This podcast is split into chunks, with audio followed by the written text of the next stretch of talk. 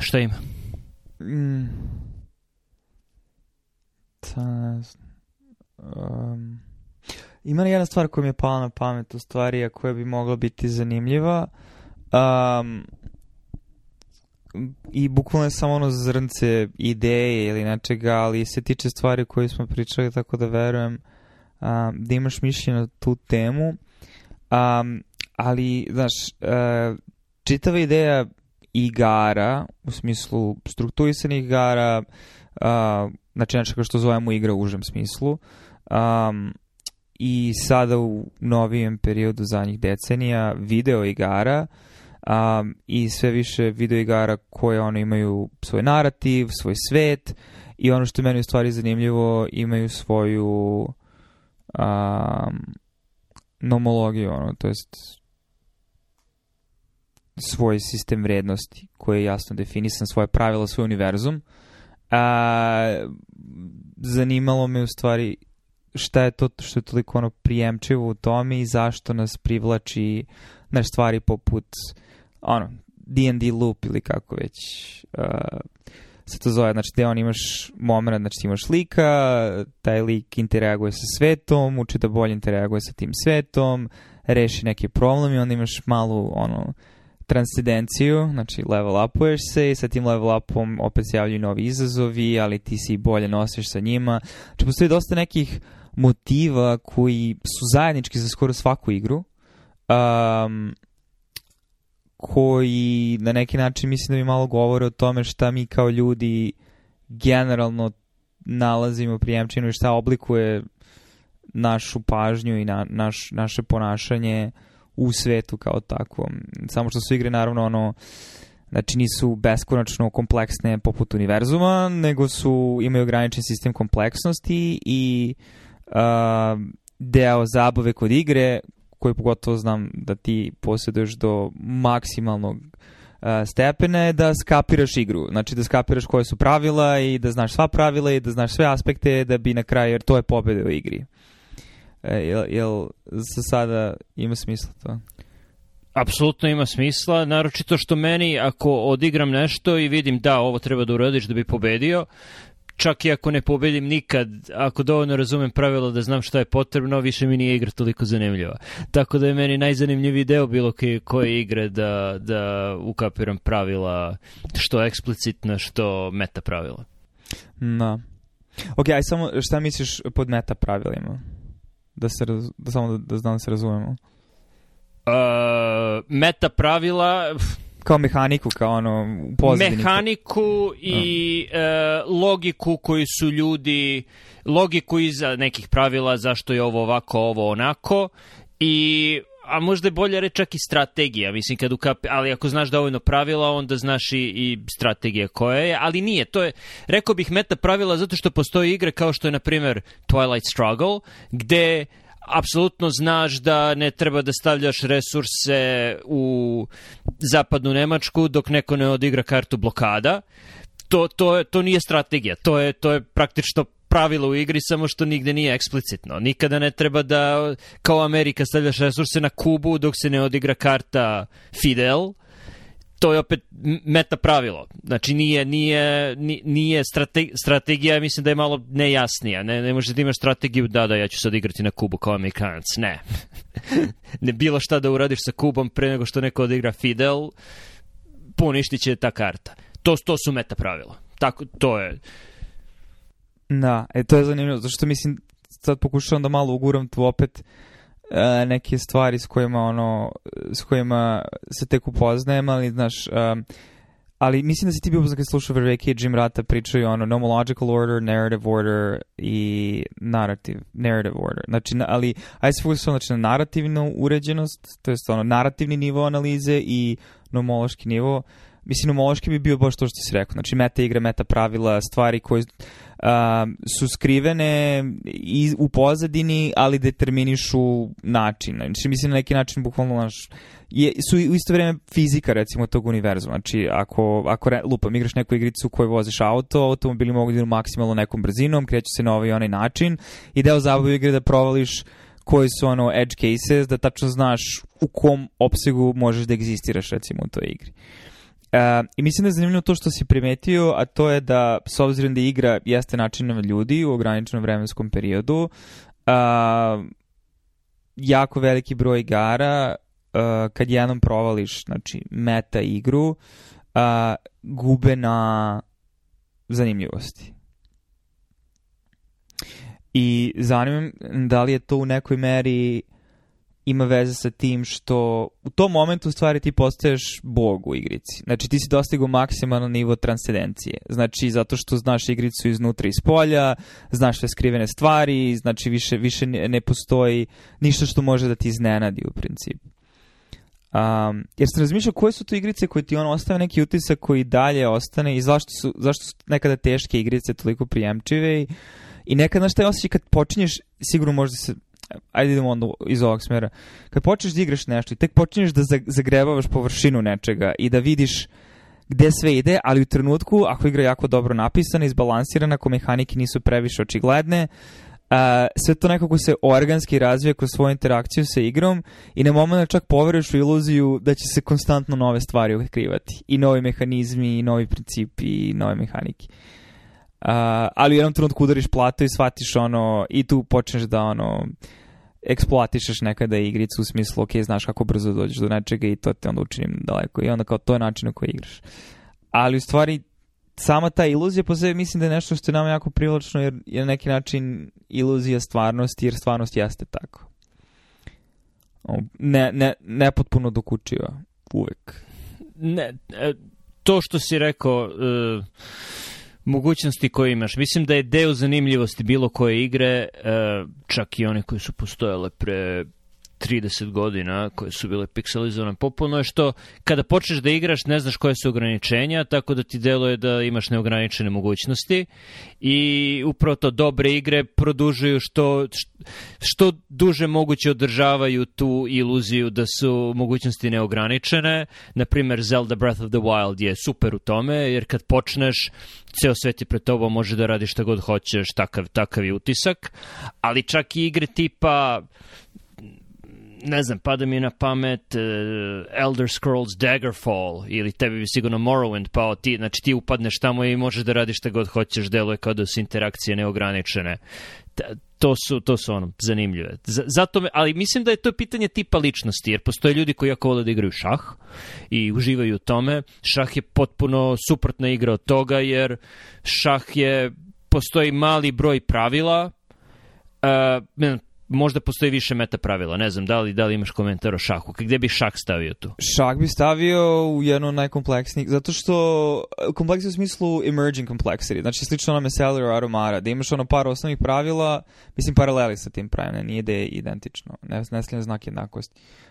Um, koji ono, imaš mali broj pravila, imaš veliki broj situacija i s obzirom da imaš ljude koji učestvuju u tome, ta igra sama po sebi se nadgrađuje, a pravila su dovoljno jednostavna da stvaraju mogućnost. Tako da meta pravila postanu koje su otvaranja bolje od drugih otvaranja, a u kom slučaju neko loše otvaranje može bude dobro ako igraš protiv igrača određenog stila, tako da šah više doživljam kao sport, sem što sport naravno ima fizika, fi, fizički element u smislu objekta koji se kreće u prostoru, samim tim jeste deo stvarnosti, ali opet relativno ograničeni deo stvarnosti koji možemo lakše da isprocesiramo, zato da mi sportske igre su nam zanimljive. Uh, Um, ali šah bi više svrstao u to zato što je potencijan broj varijacije. Znači, broj partija koje možda da odigraš u šahu je beskonačan. Eto, znači, možete to jedan od... Sve možda to nije dobar primjer, postoji beskonačan način koji možda da igraš igru, ali hoću kažem, e, šah, on, ljudi, mo, ti možeš imaš karijeru u šahu. Znači, možeš konstantno da... Um, nalaziš nove situacije i, i, i nove da ra, konstantno razvijaš mislim svoju veštinu i imaš konstantno prilike za unapređivanje. Mislim, zato Dobar. je... Ne, ne bih činjenicu da, da može, može neko da ima karijeru u šahu izdvajao kao razlog zašto je šah da, specijalan. Ja, može bude jer... nešto čime se baviš ceo život i da nikada ne, ne dokučiš sve, to je ono što sam teo da kažem. Uh, jer uvek barem do sada, mislim možda će neki ML kroz dve godine, s obzirom kako brzo stvari uh, napreduju, rešiti šah i više neće biti potrebno da ljudi igraju šah, jer mašine znaju najbolju igru šaha ikada, koju ljudima nikad nije pala pamet, ali za sada dela kao da je šah i go isto, mislim, jedna od tih igara koje a, imaju tu rastuću kompleksnost koja dozvoljava variaciju i samim tim adaptivne strategije su raznovrsne jer svaka je vrlo kontekstualna. Znači, jedna igra ima smisla u ovoj situaciji, druga ima u ovoj. Ne znam da to ima smisla ima smisla, a mom mozgu očigledno više odgovara, odgovaraju malo komplikovanija pravila od one koje su u šahu. Znači, treba mi drugačiji balans pravila i meta pravila, pretpostavljam. Volim, volim malo komplikovanije, ne, ne, ne možda ni kompleksnije, ali komplikovanije igre od, od šaha. Ne. Da. Pa zato što šlah nema nikakav narativ. I to je isto jedan deo u kojem sam teo da, da, da, da spomenem, da te stvari egzistiraju nezavisno jedna od druge, me, u stvari, ne potpuno si nezavisni su, ali definitivno dve stvari koje možda su dve kategorije stvari, ali međusobno interaguju. Tako da možda imaš igru koja ima super narativ, ali ipak je mehanika ta koja te drži tu i narativ i ono, mislim, mehanika se kači na narativ, ti kroz narativ i mislim ono počinješ da iskušavaš mehaniku to jest ono kapiraš počinješ da kapiraš mehaniku ali je drugačija stvar, zato što narativ može bude vrlo minimalan ili gotovo nikakav i da igra čisto bude mehanička ili može da bude vrlo kompleksan i možda imaš igre poput Planescape Tormenta koji je ono mahom narativ, minimum mehanika. Znači sva ta D&D pravila, većina njih u poređenju sa drugim igricama koje su rađene istom engine su mnogo manje bitna, znači mnogo je bitniji narativni moment, ali i dalje postoje mehanika, to mislim definitivno da postoje. Znači, ili, ili Disco Elysium. Ili, e, da, baš sam sad o tome razmišljao, ovaj, jer on ima dobar, dobru kombinaciju oba. Znači ima vrlo kompleksan, izvijugani narativ i u isto vrijeme ima vrlo jedinstvenu zanimljivu mehaniku. Da, Planescape Torment je uh, eh, primjer igre koja ima komplikovana pravila, ali u pogrešnom domenu. Pošto su D&D pravila uglavnom pravila borbe, da. koje se u Planescape Tormentu ne koristi toliko, a onaj deo koji jeste zanimljiviji, interakcija sa likovima, dijalozi, tu generalno u D&D, u bar u toj verziji koju su koristili za, za igru, mislim 2.5, da nije toliko nije toliko kompleksno, tako da je za, zato je tako ispalo da je igra bez, bez puno pravila i bez da, bez kompleksnosti. I ono što je zanimljivo, kada imaš dovoljno ljudi koji ubace dovoljno vremena i truda u dobro pisanje, taj sam kompleksni narativ dobije na vrednosti, jer se iluzije ipak udrži malo duže, postoji više načina da završiš igru, više načina da proigraš igru i definitivno i drugačiji osjećaj dok ideš kroz samu igru. Um, I to je, mislim, ono što se možda gubi u novim ono, AAA naslovima, uh, a, jer ideja da konzumer želi da iskusi svaki aspekt. Mislim, Skyrim je baš ono eklatantan primjer jer je on napravio u svetu RPG-a tu veliku zaokretnicu da ti ono u jednom playthrough možeš da budeš sve. I onda to nije zanimljivo, no. Da. u stvari to ono less is more, u stvari šta to znači nekada sužavanje tih izbora čini stvari zanimljivijim jer onda kada u, jer opet u Skyrimu ti postaneš bog na kraju. Mislim, ono i bude ti dosadno. I, i taj poslednji, mislim, ajde, nisam igrao Skyrim 10 godina, ali ovaj, a, mislim da je to dobar primjer nečega gde ono, gde kada dizajneri žele da naprave rizik i da ti recimo namerno uklone delove igre koje nećeš moći da ne, iskusiš u tom redu, zato što to samo da te, na težini tvojih odlika, jer onda odluke imaju posledice, a čim stvari imaju posledice, ti samim tim pronalaziš više mislim, ono, dubine u toj igri više smisla, zanimljivije ti, ono, više to obuzme. To je, ono, u Skyrimu praviš puno, i sličnim igrama praviš puno izbora, ali sve su to lažni izbori, jer pravi izbor podrazumeva da nešto dobiješ, ali da ti se neka vrata zatvaraju. Da. Uh, jako malo stvari, u, jako malo izbora u Skyrimu, pod navodnicima izbora, je, je smisleno pošto ti ne zatvara nikakva vrata to je, to je za razliku od disku Elysiuma gde zatvoriš neki put sebi vrata i ne znajući uh, ili, mislim, odavno nisam igrao osim DE-a, Disco Elysium, nisam igrao kompjuterske igre, tako da druga stvar koja mi pada na pamet je Arkham LCG koji je super kombinacija narativa i pravila koje se stalno menjaju i meta pravila koje stoje iza tih pravila. Tako da je da je to, mislim da mi je to to je balans koji mi najviše odgovara što Ali se ja tiče mislim da se to dao kao da jako dobar primer zato što sada legacy društvene igre a, rastu u popularnosti gde znači ti kad igraš jednom scenarije znači to je tvoj playthrough. Znači nema sada da se vraćaš nazad, nego ono, jedan deo lokaciju nisi otkrio, to se više ne dešava, tvoja priča je u drugom smeru, ono, znači, ovaj, tako da mislim da to isto pravi, mislim, eho toga, ono, na početku, što mislim da ipak u igrama postoji nešto što nalazimo vrlo prijemčivim u stvarnosti, uh, a, samo u ograničen, ograničenoj meri u pakovanju koje možeš koliko toliko konzumiraš, a zadovoljstvo pronalaziš iz toga što rešiš igru, kao što rešava život, mislim životne probleme i to je naravno često mukotrpno, ali i, i nagrađujuće, kao što su igre često mukotrpne i nagrađujuće. Objasni ljudima šta su legacy igre. Aha, Pa mislim, ajde bolje ti da objasniš, ali mislim to je sad posebna verzija određene društvene igre u kojoj, mislim, imaš, znači kada igraš svaki deo poglavlja, znači ideja je da se igra u određenom kontinuitetu i da, mislim, imaš trajna obeležena na igri koja se dalje ne menjaju, tipa tvoj lik koga imaš u igrici, uh, dobije neki ožiljak po znacima navode iz neke bitke i to taj lik nosi kroz ceo playthrough i, i modifikovao se taj lik fizički u smislu karticu se izmenio ili šta već.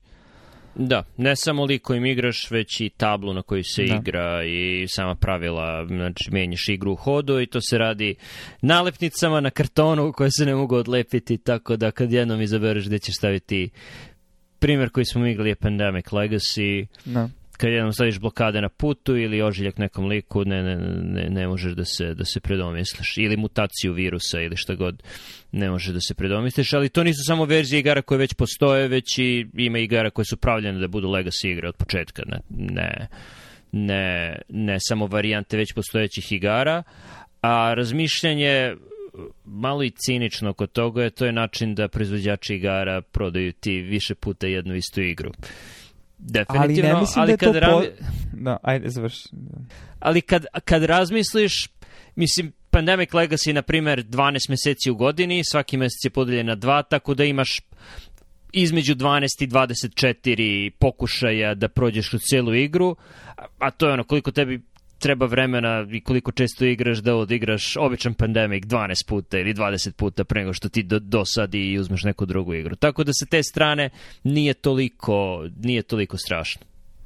Pa da, e, mislim, s jedne strane, naravno da proizvođači imaju posticaj da prodaju što više, ali mi dela da ovom ipak ima zrnca to ono, da, da nije analiza u potpunosti cinična što ljudi vole da igraju te igre. Ljudi ne kupe tu igru pa onda mrzi i kažu a oni nas varaju kao što EA u, namerno uvede mikrotransakcije da bi napravio više para. Znači ti imaš opciju da konzumiraš taj sadržaj na drugi način, a, ili ako imaš potpunosti legacy igre, mislim njihova popularnost je dokaz toga da postoji potreba na tržištu, a zašto mislim da to jeste istina? Zašto mislim da se vratim na ono tvoji izbori onda imaju težinu i čim imaju težinu, same tim postoji nešto u tome što tebe više lepi za tu igru, daje ti naš veću veću dubinu, vi, vi veći utisak ostaje na tebe, ostanu ti sećanja na tu igru, razumeš, zato što znaš da si zatvorio jedna vrata i kao, ah, možda sam, ali na kraju ipak si uspeo nekako i sa tim likom, sa tim ožiljkom nekako da završiš, ili možda ste slavno izgubili ono pred sam kraj, ali opet ostane priča koja ima utisak na tebi i samim tim je vrednije iskustvo nego nešto što ono igraš x puta i zaboraviš uopšte više šta, šta su pravila i šta je bila igra. Arkham LCG nije takva igra, pošto može da igraš više puta, nema nepo, nepovratnih promena, uh, e, a i opet cinično prodaju stalno opakovanje sa novim kartama da bi uh, ne znam, održavali igru u životu, pretpostavljam, jer stalno menjanje pravila zahteva da stalno izbacuješ nove scenarije koje imaju nova pravila jer su ta pravila generalno moraju biti dovoljno jednostavno da možeš iz prvog da, da ukapiraš čemu se radi, tako da možeš da igraš neki scenarij od 3-4 puta i onda znaš šta se dešava, ali tu ne možeš da budeš previše ciničan jer jesu zanimljive stvari i nije nije igra gde sakupljaš karte tipa Magic the Gathering gde uzmeš jedno pakovanje i ne znaš šta ćeš dobiti unutra i postoje karte različite vrednosti i različite učestalosti u svakom pakovanju koje kupiš te igre ne volim. Gde je element sreće u kupovini karte, nešto što ima ulogu i, i ono. Pa zašto ima prizvuk kockanja, mislim na neki način, ono što... Ne na neki način, definitivno. No. Da. I postoje sekundarno tržište za redke karte i, i to je... Te vrste meta igara ne bih, ne, ne volim da igram. Da, ali vidiš, to je meta igra. Meta igra je koliko možeš da kupiš pilova da bi dobio neku redku kartu koja ono i tekako menja verovatnoću da pobediš u nekom u nekoj igri koju igraš u budućnosti. I neki ljudi vole to i zato kupuju. No. Mm, Mada da. uglavnom vreme provode u Vegasu ili Atlantic City. Aha, misliš Ili u lokalnoj da. kockarnici, da. Pa ne, ali to je ok, ajde sad možda nešto što nije ni igra, ni, ni, ni stvarnost, nego između, ali su ti kladionice, mislim, i nekako mi uvek on odraz društvene situacije, koliko ono, učestvilo incidenca po broju stanovnika ili prevalenca po broju stanovnika kladionica, mislim, i nekako mi se čini da ovde ima sve više više kladionica. O, I da, htio sam da kažem, ovde, ovde u Americi provode vreme u Vegasu Atlantic City, u Srbiji provode vreme u lokalne kladionici, ne moraju da putuju toliko daleko da bi, da bi se kockali. Da, i mislim one su integrisane u društvu na, na mnoge načine, mislim što kroz ono promociju, kroz različite, ne sad više ne samo sportske aktivnosti, ono mečevi, šta ti ja znam, reklame između mečeva, nego ono kroz sponzori su, ne znam, ono, industrije zabave, znaš, ono, javljaju se, kao što se javlja, ne znam, vrnci voda na stolu nekog voditelja na nekoj lokalnoj televiziji, tako razumeš i neka od kladionica sponzoriše nešto i što postaju deo uh, društvene zajednice zato što postoji značajan deo, pogotovo mlade, mahom muške populacije kojima je to hobi i kojima... A, eh, I sad ne znam, ono, Mislim, da li je to sad uzbuđenje tog trenutka kao kad, ako dobiješ i kad dobiješ onda stvarno imaš i priču i...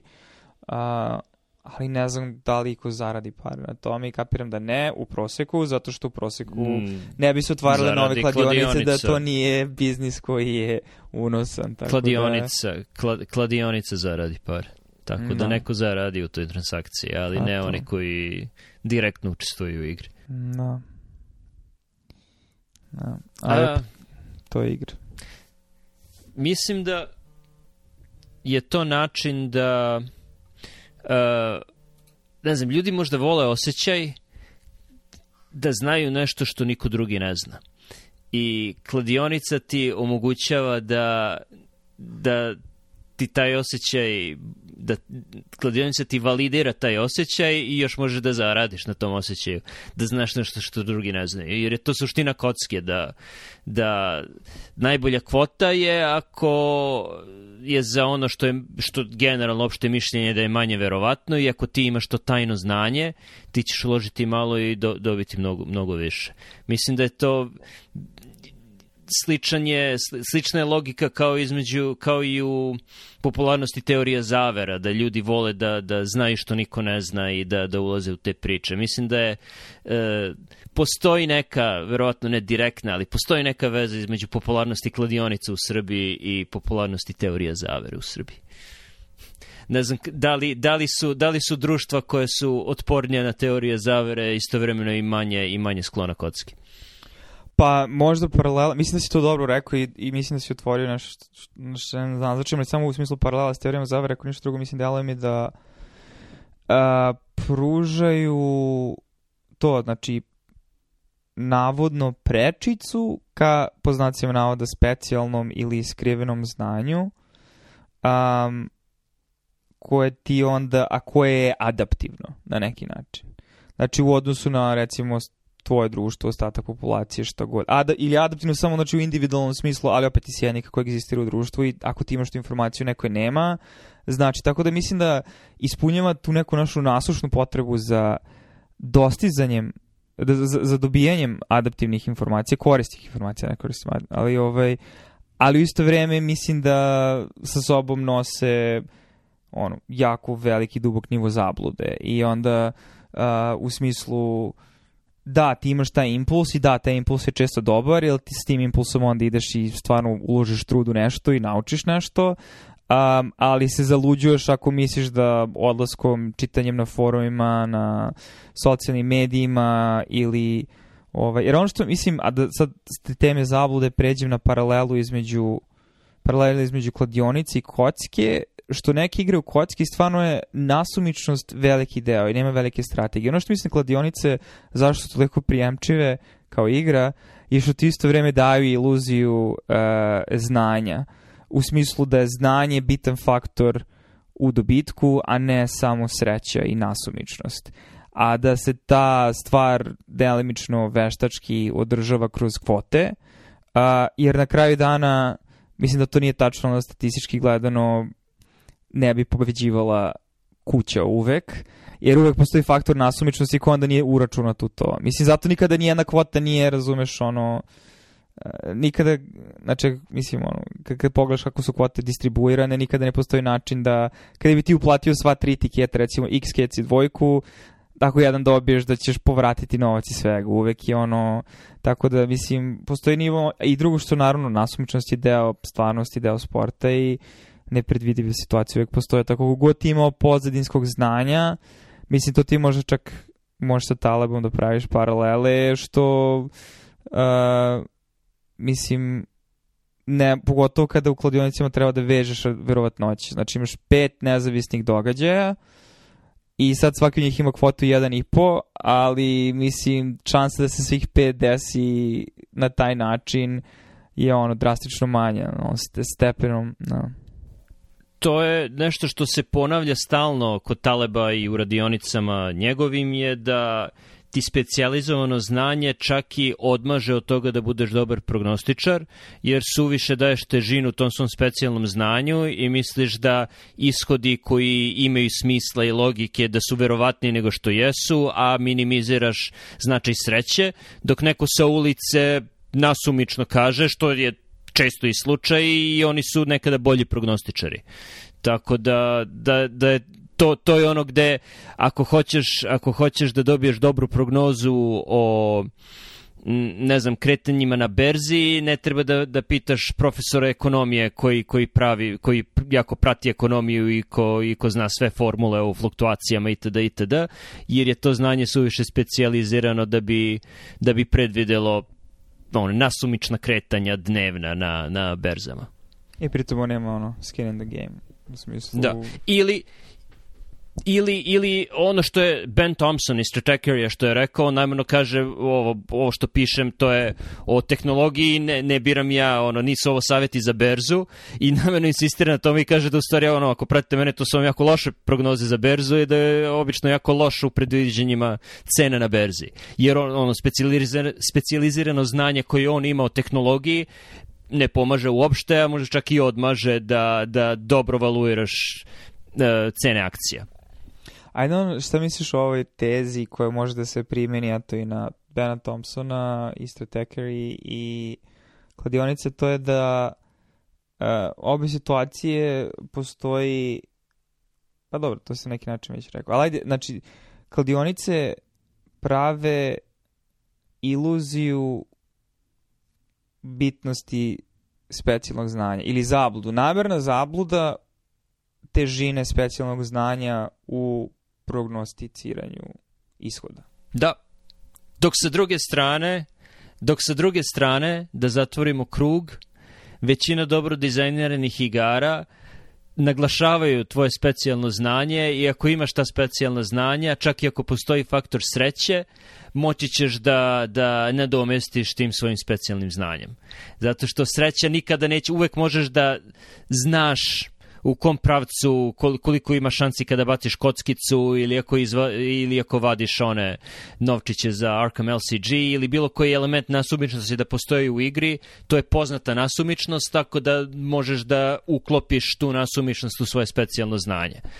Tako da, da su igre zato zabavne i zato ljudi vole igre, zato što čak i element sreće, ako postoji, je poznat. Dok u, u stvarnom svetu, van igara, imaš nepoznate nepoznate i nikada ne možeš tačno da ukalkulišeš verovatnoće jer se ne baca kockica i ne baca se novčić nego su potpuno nepoznati faktori u igri. Da, i ne samo da su ti, to si, to si baš zanimljivo rekao, ne samo da su ti nepoznate, poznate, nego i znaš distribuciju verovatnoće. Mislim i zato ono, jako dobri ljudi u tim igrama ne mogu da, da što ne možeš na recimo ozbiljnom kompetitivnom nivou da igraš neke od tih igara, a da nemaš da vrlo eksplicitno, bukvalno na ono matematičkom nivou ne uračunavaš te verovatnoće kada donosiš odluke koje u sebi imaju uključen faktor sreće. Jer ono, e, suprotan primjer tome je igra koju potpunosti nasumiš i sam tim jako frustrirajuća, a to je čoveče ne se, mislim, koju u potpunosti zavisi samo to koje kockice baciš, što nema nikakve strategije. I svaka ne. Da. strategija na izgled je u stvari samo situacijona stvar koju će, svako će definitivno da pojede nekog ako se nađe u situaciji to da uradi. Mislim, tako da u potpunosti zavisi od sreće. I samim tim je frustrirajuća igra.